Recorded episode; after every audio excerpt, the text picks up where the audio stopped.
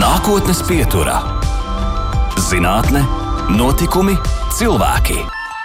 Labvakar, nākotnes vieturā un studijā joprojām baiva.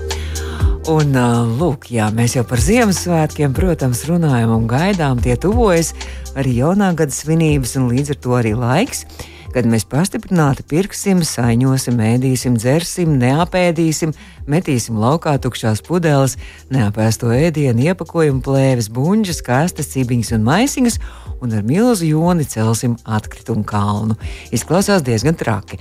Nākotnes pieturā aicina pirmsvētku drudzī uz brīdi atvilkt telpu un nedaudz apdomāt, kā šo visu darbošanos izdarīt saudzīgāk un noskaidrot, kas īsti ir dabai draudzīgi un vai tas, kas šķietam ir nedraudzīgs, tomēr izrādās samērā draudzīgs, ja vien esam pietiekoši zinoši. Vai bioplastmasa ir laba, bet pēt un polipropilēna iepakojums un bisfenols A slikts, kā šīs uh, metodes uh, ievies dzīvē, un arī kādas modes, vēsmas un tendences valda nākotnes produktu receptūru, tehnoloģisko procesu un iepakojumu jomā palīdzēs mums orientēties nākotnes pieturas viešņa, Latvijas Biozinātņu un tehnoloģiju universitātes profesora un vadošā pētniece, tehnoloģiju un zināšanu pārneses nodaļas vadītāja, inženierzinātņu doktore Sandra Mužniece Brasova. Sandra, labvakar! Labvakar!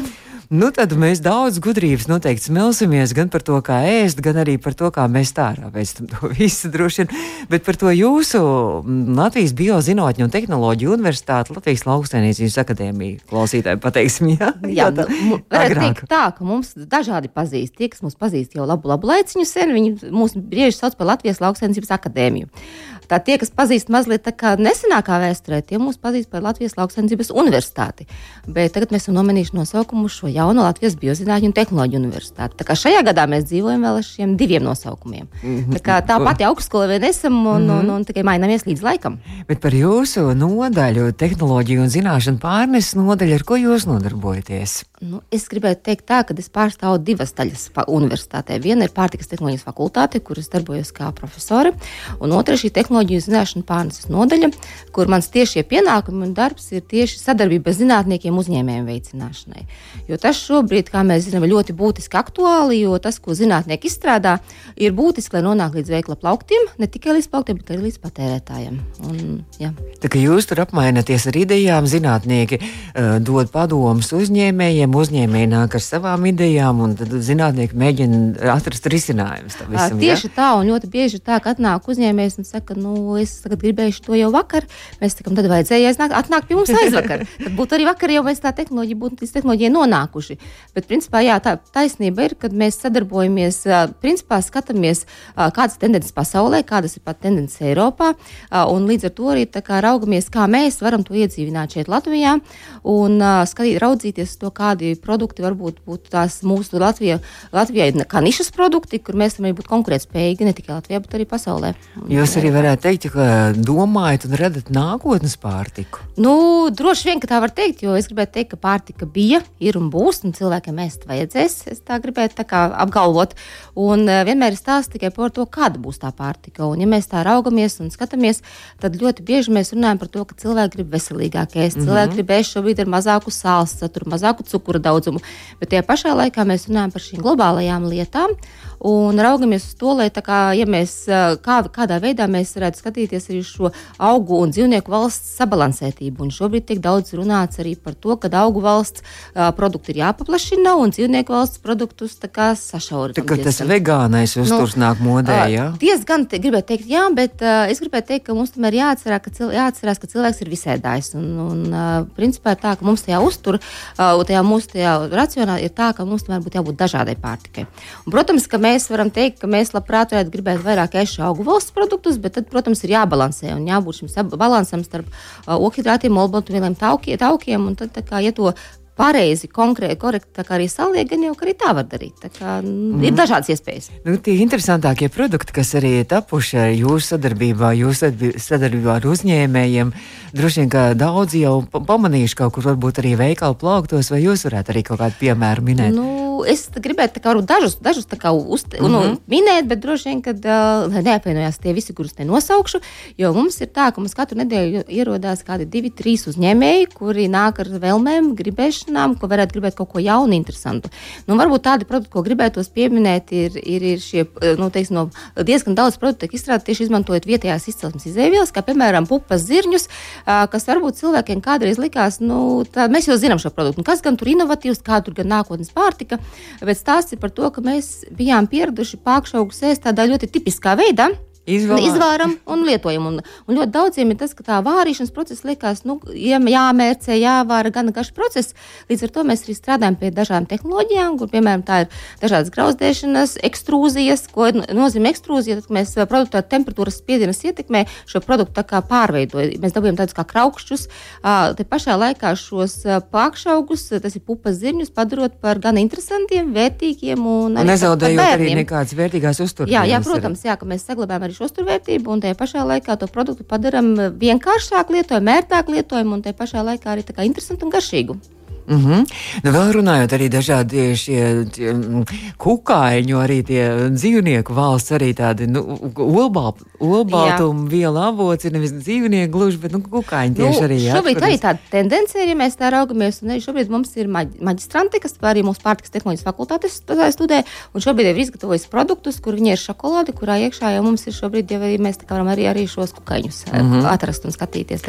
Bet tas vairāk, jā, nākotnes pārtika Latvijas, nu, man, man teiksim, kā kādam tipiskam Latvijas iedzīvotājam, liekas, nu, diez vai es tā kukaiņus viņus tā kā uzreiz tā kā gribēšu lietot. Bet jā, ir tādas tendences, un tas principā ir tāda, ja mēs nākotnes pārtiku runājam, tas varētu būt arī viens no šiem virzieniem, kas, kas arī tā kā. Bet jums, jums ir interesanti, jums arī viss ir jātestē un jādegustē arī. Jā, uh, jā un, un te ir tas labums, kad es gribēju teikt tajā brīdī, kad pie mums atnāk uzņēmēji, uh, tad uh, mums ir tā, ka mums arī fakultātē ir šīs pilota ražotnes. Un uh, pilota ražotnēs ir gan šīs produktu izstrādes vietas, kur mums tā kā mēs, ja ražošanas procesos ražo dažādus produktus. Parasti ir tā, ka jau veidojot jaunu produktu, ir vajadzīgs pietiekami liels, varētu teikt, teiksim, šis nu, iekārt, no iekārtas, kuram testēt, skatīties un pārbaudīt. Un, ja tas iekārts ir liela apjoma, tad līdz ar to tas process ir diezgan, kā, nu, gribētu teikt, resursu ietilpīgs. Mm. Mums ir mazās pilotiekārtas, ar kurām mēs varam diezgan veiksmīgi testēt, pārbaudīt, un tie pašā laikā arī sensorās vērtēšanas laboratorijā kur tajā brīdī, kad produkti tiek izražoti, nu, teiksim, mēs esam sagatavojuši, izveidojuši, tad mums ir šie apmācītie eksperti un arī kolēģi mums ir, eh, kur arī Vācijā piedalās kā eksperts vērtēšanās ar eh, diezgan eh, tādu izglītību, pamatīgu zināšanu bagāžu arī šajā jautājumos. Līdz ar to produkti tiek testēti un ir eksperti testē un uzņēmēji testē un studenti testē. Tā kā principā ir daudz interesantas lietas, ko dara. Bet jūs arī, arī šīs jaunās tehnoloģijas arī ieviešat un arī testējat tādā veidā? Jā, mēs arī to darām, jo tā situācija ir tāda, ka, lai uzņēmēji uzņēmēji nu, attīstītu kādu jaunu produktu uh, un ieguldītu diezgan lielus līdzekļus dažādos uh, teiksim, ražošanas procesu nodrošināšanā, ir diezgan svarīgi būtiski pārbaudīt, kā tas strādās. Jo viens tas, ka mēs zinātniski strādājam, receptūra tiek izdomāta, uh, viņa tiek pārbaudīta teorētiski, pēc tam, protams, ir ļoti būtiski to receptūru arī praktiski pārbaudīt. Mm -hmm. Un, lai to varētu izdarīt, diezgan bieži ir tā, ka tas receptūra vien ļoti daudz ko nedos, ir vajadzīgi šis tehnoloģiskie procesi, kur liek izējuma materiāli principā neapstrādāt, tad tehnoloģiskos procesos viņš vien tā kā attiecīgi tiek ar temperatūru vai spiedienu tā kā attiecīgi apstrādāts, un tas lielā mērā notiek kā šajā miedarbībā receptūrai kopā ar, ar iekārtām šām tehnoloģijām, jo brīžiem tā, ka receptūra vien nenoseks to, ko mēs tā kā esam sagaidīt gribam. Par temperatūru runājot, es lasīju, ka ir arī tāda jauna tehnoloģija kā augstā žāvēšana. Uh, jā, tā ir liofilizācija, kas man liekas Latvijā nu jau tā vairs nav tāda nemaz nezināma lieta, uh, jo šobrīd tā, kad ja mēs runājam par mums ir iespējas ir šādas, ka mēs taisam dažādus produktus, tad jebkuru produktu, teiksim, attiecīgi, ja mēs viņu kaltējam, tad viņi var izkaltēt vairākos veidos. Un diezgan bieži arī izstrādājot produktus, mēs meklējam, kas ir tas optimālais kaltēšanas šie veidi. Jo, piemēram, ja mēs tagad kaltējam, piemēram, produktu parastā, teiksim, gaisa plūsmā vai, teiksim, attiecīgi kameras tipa kaltē vai, vai infrasarkanajā, vai tas būs tā kā šo augstumu kaltēšanā, tad šādā veidā kaltējot mainās produktiem gan struktūra, dažādi dažādās kaltēs, gan arī uzturvērtība, saglabājās attiecīgi dažādi tādas šīs vērtīgās vielas, kuras daudzas, teiksim, tās vielas, kas kaltējot no nu, augst, augstā temperatūrā, viņas pazudīs, ja viņas kaltē mm -hmm. izsaldējot. Tas nozīmē tā, ka viņas, nu, teiksim, šis produktam šķidrums tiek atņemts, izjūt šo, šo, šo iztvaikošanas šo fāzi, viņš uzreiz pārvēršas mazos ledus kristāliņos, mm. un atsevišķi tiek atdalīts no. Bet tā ir tehnoloģija, kas arī šobrīd diezgan daudzās vietās tiek izmantota. Ja mēs runātu par gadiem pieciem, mēs teiktu, ka tas ir kaut kas ļoti, ļoti, ļoti nebīstams, tad šobrīd ir tā, ka mums ir vairāk uzņēmēji Latvijā, kuriem šo tehnoloģiju jau vai nu darbojas, vai sāk strādāt, vai skatās, kādas tās iespējas ir. Ko darīt. Par jūsu pašu pētījumiem runājot, jūs esat arī iegūst divas zinātņu akadēmijas gada balvas, arī par šo mm, gada zinātnes arī novērtējumu, bet arī viena ir tāda interesanta, ka šobrīd arī laikam diezgan aktuāla arī ir, ka jūs esat arī aizsardzības ministrijas balvu par savu pētījumu arī savulaik ieguvusi. Uh, nu, ar aizsardzības ministriju, jā, protams, es gribētu teikt, ka tas arī bija ļoti liels izaicinājums, jo sākotnēji nu, ir divas balvas arī par aizsardzības ministriju. Šiem no, novērtējums ir par, varētu teikt, tā viņi sauc par sausu uzturdevu, bet nu, nebūtu tā, nav tā, ka mēs iedomājamies, ka viņi principā ir sauss pilnīgi produkts. Bet tas tie, tā ir uzturdeva, sabalansē cēdiens, kur principā tā kā tiek nodrošināt šis viss dienā trīs ēdienreizes, tā kā attiecīgi karavīriem. karavīriem jā. mm -hmm. Un, un te tas stāsta par to, ka šeit produktiem ir jābūt ar garu derīguma termiņu, un viņiem ir jābūt tādiem, kuri ir uzglabājami bez leduskapja, un tā pašā laikā viņiem jābūt tādiem, ka viņus var sildīt, bet viņus var arī lietot. Viņiem jābūt lietojumiem arī bez termiskajām apstrādēm, bez, principā, nu, var arī būt arī tāds, ka mēs to paku atveram vaļā un lietojam. Un šī brīdī es gribētu teikt, arī uzteikt mūsu aizsardzības ministriju šajā jautājumā, jo arī uh, es zinu, ka šī pārtika, ko mēs esam strādājuši, ir vairāk šīs, šie veidi bijuši. Un arī, arī šajos apstākļos, kā šobrīd mēs zinām, pasaulē, kas notiek arī šī pārtika, mums arī līdz Ukrainai ir arī, arī nonākusi. Un arī šajā brīdī, kad Ukrainā ir situācija, kad viņiem nav attiecīgi šis ūdens, varbūt vai siltums vai kaut kas šīs lietas, tad šī pārtika ir tāda, kur ir lietojama, principā, nu, atver paku vaļā. Mm -hmm. Viņa lietojama, ka viņai nav nekas jāsilda, nekas nav jādara. Viņa pats sev uzsilda arī. Viņai klāt pakā ir sildelements, kur, principā, mm -hmm. uzliejot, pieliejot arī klāt augstu ūdeni, e, produkts pats sev ir uzsildīt. Mm -hmm. Tā kā ir, jā. Un arī par iepakojumu runājot, es saprotu, ka arī iepakojumi bija īpaši tur tādas eh, prasības ar iepakojumam, lai nebūtu čaustoši. Jā, jā, iepakojumi ir tā, ka, nu, iepakojums varētu teikt tā, ja mēs skatāmies uz to, ko es daru zinātniskajā jomā, tad lielākā, vairāk kā pusi, teikt, man lielākā zinātniskā darbība tieši saistās ar iepakojumu. Un līdz ar to droši vien, ka tāpēc arī mēs sākām darboties ar kolēģi, uh, nu, kas arī šobrīd vairs tā kā nav šai saulē, kas pirms gada, 2009. gadā mēs šo armijas pārtiku sākām darboties, un šobrīd tā kā mums ir jau komanda nomainījusies arī šiem, šiem teiksim, Bet mums ir tas uzskats, bija tāds, ka mēs to pārtiku gribam iegūt un veidot tādu, ka ir Latvijā ražotā pārtika. Jo, protams, ka mēs šos pārtikas pakas ir gan amerikāņiem, gan viņas ir Kanādai, gan viņas ir Polijai un Lietuvai un, un citām valstīm, bet mums Latvijā nebija savas vietējās. Līdz ar to mēs nolēmām, ka mums ir Latvijā, mēs varam, mēs varam to izdarīt, līdz ar to arī sākām Latvijā. Protams, ka garšīgāk ir savu produktu, piemēram, arī, vai rupmaize arī kāda šķēlīta. Uh, mums ir arī rupmaize, kurai derīguma termiņš šobrīd jau ir trīs gadi. Mēs oh. esam arī tehnoloģiski dabūjuši šo cilvēkam liekas droši vien ārpus prāts, kā mazliet varbūt trīs gadu derīguma mm -hmm. termiņš. Bet, ka notiek iz... visādi ķimikālijas. Tu, tu, par to ir uzreiz stāsts, ja cilvēkiem liekas, ka, ja tā ir trīs nu, garais termiņš, tas nozīmē, ka tur iekšā diez kas atrodas. Nē, nebūtu tas tā nav, jo šī gadījumā šie garie termiņi tiek panākti tieši ar iepakošanas tehnoloģijām. Un tur ir tā, ka mēs maizīti tieši tā pati, ko mēs veikalā varam nopirkt. Un, Un stāsts par to, ka šeit mums ir ļoti laba sadarbība ar, ar, ar, šo uzņēmumu, kas ir Roga Agro. Un arī, nu, un arī tāpat tās arī tā kā attiecīgi šeit mums ir tehnoloģiskais risinājums, kurā mēs uh, esam tikuši tik tālu, ka tie maizītē mums ir parastā maizīte, kas tiek, nu, nevar teikt parastā, es domāju, mums tāda visiem ļoti mīļa, un, un jo rupmaizi, kas mums Latvijā ir, ir, ir būtisks produkts, un te pašā laikā ar iepakošanas tehnoloģijām, ar termisku apstrādi, pēc tam pēc iepakošanas mēs panākam šo garo derīgumu termiņu. Nu, cik jauki, ka, ka tieši šobrīd ir tiešām arī tā var reāli palīdzēt. Arī mēs Ukrainai varam palīdzēt jā, un, ar šo visu. Jā, jā, un... Pētījumu un arī visu to, ko jūs esat darījis.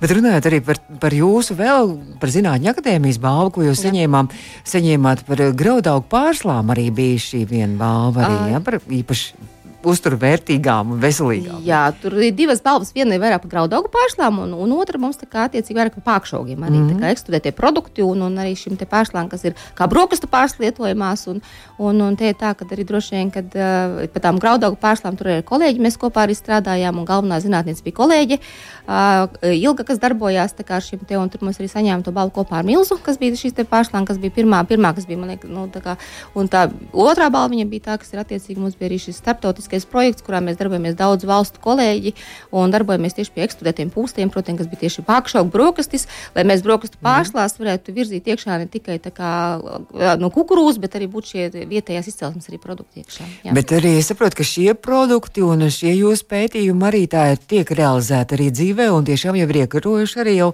jau pasaules arī tirgu. Jā, protams, jo, jo te, principā mēs esam, mums man šķiet tāds, tāds zinātniekiem arī tāds um, gandarījuma sajūta mm -hmm. radās tajā tajā brīdī, kad mēs saprotam, ka tas nepaliek tikai plauktā. un kad mēs tos produktus redzam veikalu plauktos, un ka viņi atnāk līdz veikalam, un cilvēks pērk, un cilvēkam patīk, un ja viņš tikai nopērk ne tikai vienu reizi, bet pērk vēl un atkārtoti. Un, protams, kad es gribētu teikt tā, ka mēs jau kā zinātnieki varam izstrādāt, palīdzēt izstrādāt, gribētu drīzāk teikt tā, bet lielāko, nu, teiksim, ļoti lielu daļu darba dara pats uzņēmējs.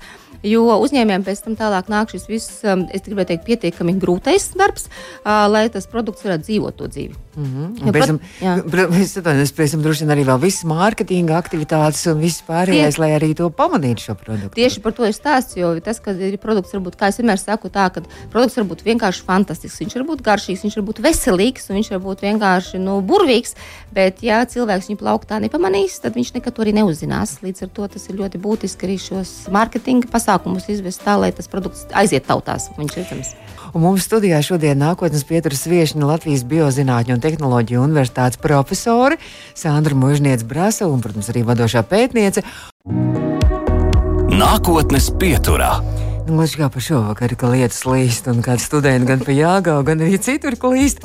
Bet mēs turpinām nākotnes pieturu Latvijas Biozinātņu un tehnoloģiju universitātes profesora un vadošā pētniece, tehnoloģiju un zināšanu pārneses nodaļas vadītāja, inženieris zinātņu doktors Sandra Mužniec Brāso. Šobrīd ir nākotnes pieturas viešņa. Un tagad nu, mēs jau runājam par to, izrunājam par tām garšīgajām lietām, bet droši vien, ka pārtikas arī mm, ķēdes viens no elementiem ir arī, elementiem ir arī šis iepakojums, kā, kā to dra dabai draudzīgi, pareizi iepakot, kā to pēc tam iepakojumu izlietot droši vien un arī viss pārējais. Un šīs arī tehnoloģijas, tas arī ir viens no jūsu darbības lauciņiem. Uh, jā, es gribētu teikt, tas ir viens no galvenajiem maniem virzien, no virzieniem, kur es strādāju un darbojos jau vairāk kā 20 gadus. Uh, Un, līdz ar to, kā, raugoties gan par šiem dabai draudzīgiem, kas ir biodegradējumiem iepakojumiem, gan arī šiem materiāliem, kas ir pārstrādājumiem, jeb recyclable tā kā saucamajiem, tad gribētu teikt, tā, ka, ja mēs runājam par pārtiku, jebkuru veidu pārtiku, ko mēs inovatīvi izstrādājam, vai mēs ikdienā lietojam, kur liekas jau, nu, jau gadu desmitiem veiklos redzama, tad vienmēr ir tāds divos svara kausos jāieliek visas pasākums un jāskatās. Brīžiem liekas, nu, ka tā iepakojuma mums ir vaiprātīgi daudz. Un taisnība ir, ka mums ir sevišķi mēs raugamies uz plasmasu, ja polimēru materiāliem viņu tiešām ir daudz. Un arī visā šajā procesā mums katram individuāli katram ir jādomā, kā mēs viņu varam samazināt. Līdz ar to šobrīd uh, ir tā, ka mēs daudz pie tā strādājam. Un arī man pašai Vārtikas tehnoloģijas fakultātē ir iepakošanas laboratorija, kur es darbojos. Un, ja mums ir dažādas pilotu iekārtas, kurās mēs testējam un pārbaudām dažādus jaunos materiālus, pārbaudām, kā viņu sadarbība ar pārtikas produktiem. Jo kas ir būtiski, ja mēs nomainām iepakojumu, tad lai nav tā, ka mēs mainot iepakojumu, sabojājam ļoti daudz pārtikas produktus. Jo lielākajā daļā iepakojumu, kas ir iepa, iepakotie produkti, viņiem šis iepakojums ir izvēles ne tikai tāpēc, lai viņi varētu vienkārši paņemt, pacelt vai viņu ielikt, bet ļoti bieži iepakojums arī dod papildu funkcijas veids, kas principā ir nu, uzglabāšana vakumā vēl kaut kādos apstākļos. Līdz ar to šobrīd mēs ļoti intensīvi arī strādājam pie tā, ka izvērtējam, kuriem produktiem mums tiešām ir vajadzīgi šie daudzslāņu materiāli, kuriem viņus nevajag. Tie daudzslāņi ir sliktāki. Jā. Daudzslāņi ir grūtāk pārstrādājami, bet principā viņi šobrīd netiek pārstrādāti Latvijā vismaz ne. Un līdz ar to mēs šobrīd raugamies uz iespējām, kā, un arī ne tikai Latvijā, bet arī pētījumos, kas ir pasaulē Arī šobrīd darbojamies dažādos projektos, kas ir tieši saistīti ar iepakojuma apjoma samazināšanu, zaļāku virzienu. Tad arī šobrīd tā tendence principā iet uz atkārtotu lietojumu iepakojumu. Un tad nākamais solis, tas, ja mēs nevaram izmantot atkārtotu lietotu, tad uz tādu, kas ir pārstrādājams. Jo Latvijā šobrīd tā situācija ir tāda, ka ļoti maza daļa no iepakojumiem, kas nonāk mums tirgu, ir pārstrādājumie. Līdz ar to es domāju, ka te ir gan daudz izaicinājumu, gan eh, mums kā patērētājiem, gan arī kā ražotājiem, jo iepakojumu nomainīt eh, ražotāji jau labprāt gribētu. Bet kāda ir problēma? Problēma, ka tas nav tā, ka vienā dienā tas ir izdarāms. Jo situācija ir tāda, ka tam līdzi nāk iepakošanas iekārtas, kādas uzņēmumā atrodas, un līdz tam nāk arī derīguma termiņa produktiem. Un uh, uzņēmumi šobrīd jau diezgan daudzi šobrīd risina šos jautājumus, nāk ar jautājumiem un dažādām kā, piedāvājumiem, interesēm, kā to var optimizēt un, un darīt tā, lai būtu pēc iespējams labāk risinājumi dabai. Nu, mums normāliem, vienkāršiem cilvēkiem, protams, tas lielākais biedrs tas jau ir tā kā iesēdies mums smadzenēs, tas pēc, pēc pudeles, tas ir, tas ir briesmīgi. Nu, tas nebūtu tā, nemaz nav. Priekš Latvijas situācijas gribētu teikt, ka, pēc, ja mēs par pudelēm runājam, mm -hmm. pēc, tad mēs zinām, ka Latvijā ir mums arī Jelgavā pēc pudeļu pārstrādes rūpnīca, kura pārstrādā pudeles ne tikai no Latvijas, bet arī no, no citām valstīm, tiek vestas un pārstrādas. Tad, principā, ja mēs runājam par pēc pudelēm, tad pēc pudeles ir tās, kuras Latvijā var pārstrādāt. Un, teiksim, attiecīgi šeit, kā, ja mēs raugamies uz šo sakārtoto sistēmu, tad, principā, šeit varētu teikt, ka tie ir labākais, labākais stāsts gandrīz. Tāpat arī polietilēna Latvijā ir pārstrādājumi, kas mēs skatāmies uz maisiņa, uz trī, tā, tā, trīs stūros cipariņi iekšā atrodami, Jā. ir, ir HDP, LDP materiāli, kas ir augsta un zema blīvuma polietilēna. Arī tie, tie Latvijā mēs skatāmies, mums ir pārstrādes iespējas. Un labā jaunā ziņa ir tāda, ka arī polipropilēns Latvijā izskatās, ka mēs virzamies to, ka viņš būs kā pārstrādājums materiāls. Nu, attiecīgi, jo pasaulē tas jau ir sen tā kā ir jau sakārtots ā, vairāk vai mazāk Latvijā. Mums bija diezgan daudz jautājumu, par, tad, kur tad viņu īsti likt, vai jā vai nē. Kas Tad- ir polipropilēns? Polipropilēns ir PP2 burtiņi tādi iekšā, mm -hmm. trīs stūrīti mums tā kā Bet tās tas pašs ir Nē, tikai- uh, pudelēm ir tikai pēc, kas ir kā attiecīgi šis viennieks cipariņš būs un, un kā attiecīgi pēc polietilēna tereftilāts, uh, bet jau tie plasmas materiāli patiesībā ir ļoti daudz dažādi veidi. Ja mēs runājam par šiem vienslāņu, daudzslāņu, pat ir pat līdz 800 veidiem dažādiem, bet kā attiecīgi tiek grupēti dažādās grupās un šobrīd tā tendence pasaulē un Eiropā un, un arī Latvijā iet uz to, lai pēc iespējas šo klāstu skatīties, kā viņi varētu samazināt, lai šie materiāli būtu tādi, kas ir pārstrādājami. Ja viņi ir, jo man vienmēr parasti jautā, plasmas ir laba vai slikta. Mm. Es vienmēr saku, viņa nav ne laba, ne slikta. Jautājums tas, kā mēs cilvēki ar to tiekam galā. Mm. Jo, ja mēs esam šajā ciklā viņu ievirzījuši un mēs sākuši izmantot viņu kā iepakojumu, mums ir būtiski domāt arī par to, kādā veidā kā mēs tiksim ar to visu galā, lai nekrājas šie atkritumu kalni.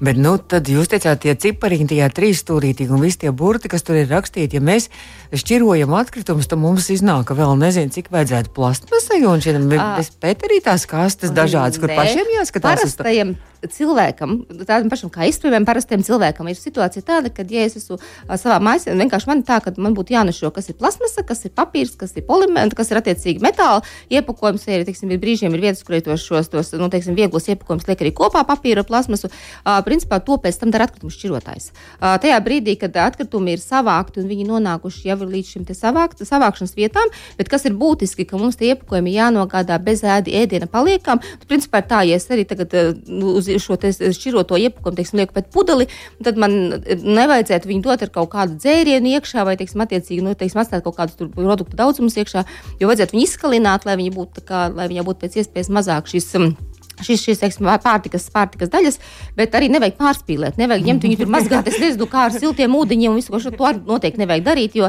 jo to izdarīs pēc tam iekārtas, mazgājot un visu, ko darot. Bet, nu, katrā gadījumā, kad te ir tas stāsts par to, kad, kad, kad par to tiek domāts un strādāts šobrīd un intensīvi. Un kas ir tas bisfenols A? Uh, Bisfenols A, es gribēju teikt, tā, ka šobrīd tas jau ir tā kā mazliet aizgājis jau tāds kā process, jā. jo tas bija šīs te bisfenols A, šī tā jā, viela, kas ļoti bieži tika izmantota. Es viņu tā varētu saukt par vielu, nosaukt droši, ka tiek ķīmiķi tagad saķeras galvu, tiek sakt dieniņas, kā viņi viņu nosauca.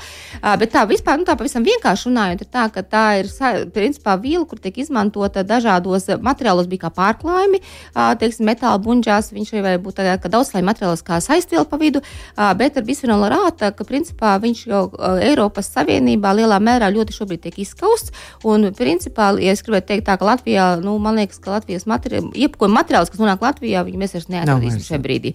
Jo, principā, šis bisfenols A bija ļoti kai, kaitīga viela, kas bija iepakojumos, kurus principā, bija mums izraisošas šos te kancerogēnās dažādas šīs lietas, kas principā kā, nu, mūsu veselībai tiešām bija slikti. Lasīju, es nezinu, vai jau ir noslēdzies, ka jūs arī izstrādājāt arī tādu uh, interesantu tehnoloģiju par olu iepakojumu. À, šobrīd ir tā, ka pa olu, olu iepakojumu mēs šobrīd strādājam. Man ir doktorants, kas arī šobrīd arī darbojās arī Baltikovo. Un tā, ka viņš tuvojās jau savai disertācijas finiša taisnē un stāsta par to, ka mums ir iepakojums, kur mēs skatāmies, kā viņš mainīs arī krāsu. Atkarībā no tā, teiksim, šis, šis iepakojums no vizu, vizuāli ir tā. Šādas iepakojuma tehnoloģijas jau pastāv arī labi. Mēs esam pirmie, kas kaut ko tādu būtu izdomājuši, bet ir tā, ka tajā brīdī, kad produktam mainās vai nu kvalitāte, vai paiet kaut kāds noteikts laika periods, tad iepakojuma etiķete nomaina krāsu. Līdz ar to parādot par produkta kvalitāti un, un dažādām šīm te Derīguma termiņu Kāpēc šie iepakojumi pasaulē nav tik labi ieviesušies? Tāpēc, kad ja es esmu parastais ā, pircējs. Es aizēju uz veikalu, un es redzēju paku produktu, kuram man ir pilnīgi iekrāsojusies, vai druscīgi iekrāsojusies, vai pavisam iekrāsojusies. Nu, es zinot to, ka varbūt es viņu izliet- izlietošu pat šodien jau, bet cilvēkam būs tā sajūta, ka es taču labāk ņemšu svaigu. Līdz ar to tā kā, nu, tā, tā, tas ir tā man vairāk šajās te tirdzniecības ķēdēs. Uzņēmumi nav tik atsaucīgi, lai šādi iepakojumi tā kā. Tā kā Nu, jā, jau nu, viņam ieviestos. būtu jāmaina cena, viņam būtu jālaiž Viņš būtu, jā, cena, viņam būtu jā. droši vien gradācija. Tas tā kā būtu interesants izaicinājums, kas arī varētu būt tāds, par, par ko tiek domāts. Jā. Mm -hmm. Tā kā visai interesanti, vai, vai bio bio iepakojumus un biodegradējamais iepakojums, vai tas ir vienlīdzības zīme? Uh, te ir tā, ka te ir, bio, teikt, tā biodegradējums un kompostējums, reiz, ja mēs skatāmies. Uh, tad ir tā, ka uh, mēs kā cilvēki ļoti, teikt, vienkārši to visu uztveram. Mums brīžiem liekas tā, ja viņš ir biodegradējums vai viņš ir tā kā kompostējums, mums viss ir ļoti liekas vienkārši. Mēs viņu varētu mest zemē un viss tā kā ir ļoti jauki notiek. Tā nebūtu nav. Uh, šie biodegradējumie, dabai draudzīgie materiāli arī ļoti daudz un dažādi. Ja mēs runājam par šiem biodegradējumiem, kas ir, ir bioplasmasas, kas principā vizuāli ļoti daudz arī atgādina, nu, tā kā izskatās ļoti līdzīgi arī kā plasmasas, caurspīdīgs materiāls, kur brīžiem pat nevar pateikt, no kā viņš izskatās un kāds viņš būtu. Uh, un tad ir stāsts par to, ka viņiem, lai viņi sadalītos, uh, viņiem ir dažādi nosacījumi. Tur pavisam ir jāskatās, ir trīs lielas grupas, ko parasti tā kā sīki smalki neizstāsta. Viena ir tādi, kas ir jā, dab, veidot no dabai, nu, teiksim, izēvielām dabas, un viņi arī pēc tam galā pilnīgi sadalās. Ir tādi, kuri no, da, no dabas izēvielām veidot, bet viņi principā ir pārstrādājumi, un ir tādi, kuri no sintētiskām izēvielām viņi paši pēc tam sadalās. Uh, un te ir stāsts vēl par to, ka, lai viņi sadalītos, Viņi ir divas lielas grupas. Viņi sadalās viena tā, teiksim, tajos apstākļos, tādi, kā mēs skatāmies, ka mēs nomestu zemē, bet tam jābūt ir, nevis smiltiņās, piemēram, kaut kur jūrmālā nometot, bet vajadzīga speciālā vide, kur ir vides skābums, vides pH, temperatūra, mikroorganismi un viss pārējais un otri ir tādi, kurus jāsavāc un viņi jāliek tā kā šķirošanā, un viņi pārstrādājas tikai pie 60 grādu temperatūras. Mm. Un tie iepakojumi, kas principā ir veikla tirgot, bet plauktos ļoti bieži atrodami, kas ir biodegradējumi, lielākā daļa tie, kas speciālajos vidē ir jāpārstrādā, saucamie rūpnieciski pārstrādājumi. Līdz ar to eh, ļoti bieži var gadīties arī tā, ka uzņēmēji cerot, ka viņiem certifikātā dokumentā ierakstīts, ka tas ir biodegradējums materiāls mm -hmm. vai, teiksim, arī kompostējums materiāls, tad, tad principā var, var domāt tā, ka viņi domā, ka viss viņi dara ļoti daudz, visa kā laba, bet patiesībā Latvijā šo apjopumu ir salīdzinoši maz, un var gadīties tā, ka tie materiāli nonāk tajos pašos mums izgāstuvēs, jo viņus principā nevar pārstrādāt, un tā arī viņi apkārtējā vidē mētājās gana ilgi, jo ja viņiem nav šo speciālu apstākļu, viņi mētājas riņķi apkārt tāpat kā nu, tipiski parastā plasmasas materiāla, jebkurš materiāla veids. Tā kā tas nav tā, ka, ja es ieraugu, ka viņš ir kompostējams vai biodegradējams, un arī Eiropā tā likumdošana vispārējais, mēs tā kā kompostējums saprotam tas, ko mēs liekam kompostkaudzēm. Mm -hmm. Bet arī šiem rūpnieciski pārstrādātajiem materiāliem arī virsū rakstās kompostējums. Tur ir tikai tādas materiāliem zīmītes virsū interesantas, kas uzzīmējas, rakstās vārdā, vārdiņš home no angļu valodas virsū māja.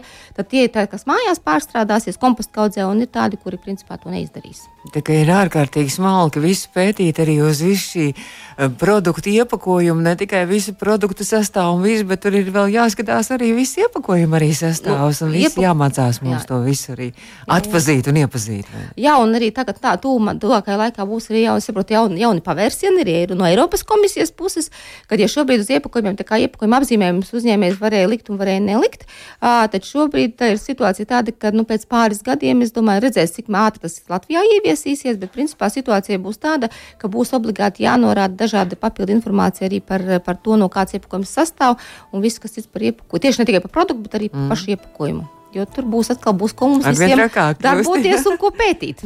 Bet runājot par jauniem kaut kādiem arī inovatīviem iepakojumu veidiem, arī kaut kādā, nu, piemēram, tagad jau arī tas bambus jau ir ienācis arī, nu, tā kā vienreizējos traukos, viss tas ir veselīgs. Uh, te arī ir ļoti diskutējums jautājums. No vienas puses tas ir ļoti skaisti, uh, jo Eiropas tirgū diezgan daudz šādi materiāli ienākuši, no otras puses ir tas tās par to, ka uh, šobrīd diezgan daudz šos materiālus, kas nāk Eiropas tirgu iekšā, ļoti tiek kontrolēti, un liela daļa šiem materiāliem vispār Eiropas tirgu netiek ielaisti.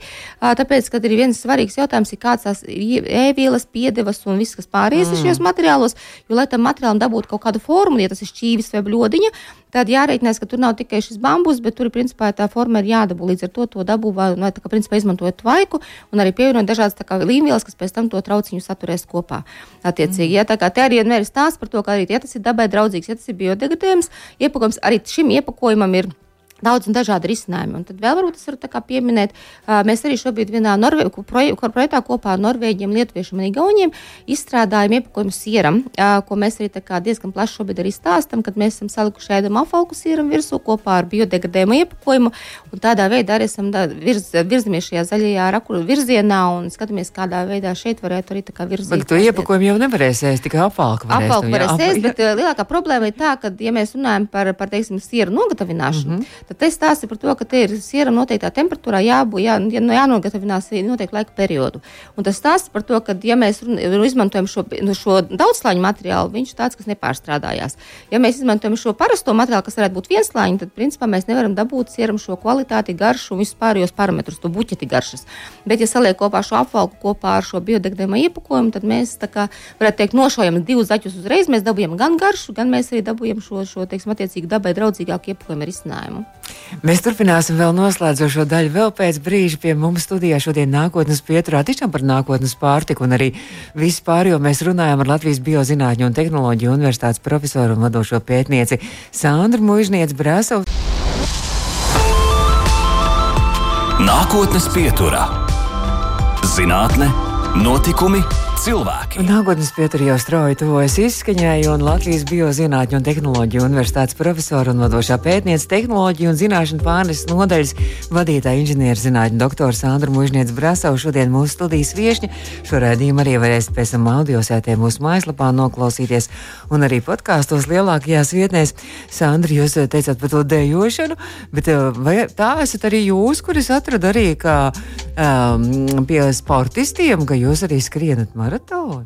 Nu, gluži maratonu, tā kā gluži nē, bet nu, es piedalīsies skriešanas. Nu, pie manis, mans, mans skriešanas kādi 5 km kaut kādi apmēram 10. Oh, tādi, fantastiski. Bet, bet drīzāk jāsaka, ka mans, nu, teiksim, attiecīgi ar vīru kopā mēs ejam, ejam rogainingos, tā kā arī šajā sporta veidā. Tā kā tas ir orientēšanās un šīs lietas, bet tur tā kā es esmu tā kā mazais enkurs, jāsaka tā. Pa kuru laiku jūs to visu paspējat? Es jau vaicāju jums, jau aizkadrā. nu, Fantastiski. Man ģimene atbalsta, un līdz ar to, ja ģimenē ir gan liels atbalsts, tad ir tā, ka es varu darīt daudz lietas, kuras ir kā, gan sirdī, gan, gan, gan arī darboties zinātnē. Un ģimene jums arī ir radoša un, un dejojoša un dziedoša. Ja? jā, jā, tādi, tādi viņi ir sportiski arī. Jā. Man jāsaka, tiešām liels paldies, ka jūs atnācāt. Ko jūs varētu klausītājiem? Nu, šis ir pirms Ziemassvētku laiks, un, un tiešām mēs domājam, varbūt nākošajā gadā mēs jau, mēs jau esam, man liekas, jau savu domāšanu mazliet mainījuši. Un, ja mēs nākošajā gadā gribam arī nu, kļūt zaļāki, dabai draudzīgāki, veselīgāki, arī dabu veselīgāku, arī ap sevi radīt, ko jūs varētu novēlēt? Nu, es pirmkārt novēlētu sirds, sirds siltus Ziemassvētkus, mieru virs eh, galvām mums droši vien, kad, kas pasaulē šobrīd notiekās. Un es teiktu tā, ka sākam katrs ar sevi un domājam, kā mēs varam eh, padarīt pasauli un planētu draudzīgāku. Galvenais ir tas, ka pašiem mīlēt sevi Un tad jau arī droši vien, kad arī tā mīlestība izplatīsies, un, un, un būs arī tie Ziemassvētku gaidīšanas laiks, un arī pēc tam viss nākamais gads būs vienkārši burvīgs. Kādi jums pašiem pašai ir plāni savā radošajā zinātnē, gribētu teikt, radošajā, jo mēs, es sapratu, ka tas ir bezgalīgi radošs šis jūsu zinātnes un pētniecības darbs nākošajā gadā. Nu, man ir tā, ka es gribētu teikt, ka daudziem cilvēkiem nav tā paveicies kā man, ka es daru to, kas man patīk.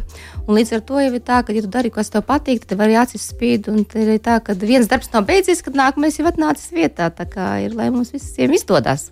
Un, un, un, es domāju, ka es katrā gadījumā turpināšu diezgan lielā mērā strādāt pie jaunu produktu radīšanas un, un iepakojuma jautājumu risināšanas. Mm -hmm. Un kāda vispār ir nākotnes pārtika, kādas, kādas ir prognozes, kā, kā mums pasaule virzīsies kādā virzienā? Nu, principā tā, ka mēs skatīsimies uz šo sabalansēto uzturu. Es domāju, vairāk pēc iespējas sabalansēto un arī uz ilgspējīgu lai mēs mm. pēc iespējas vairāk izmantotu šos produktus, kas varētu būt, teiksim, ja mēs tā raugamies, tie, kas mums, lai ja kādreiz teica, tā, ka mēs ražojam produktu, mums veidojās atkritumi, tad šobrīd mēs ražojam produktu, veidojās blakus produkti, kas paliek pāri. Tad skatieties, kā šos blakus produktus var ievīt iekšā atkal nākamo produktu veidošanā kā izēvielu. Kā, es domāju, ka uz to mēs arī virzīsimies.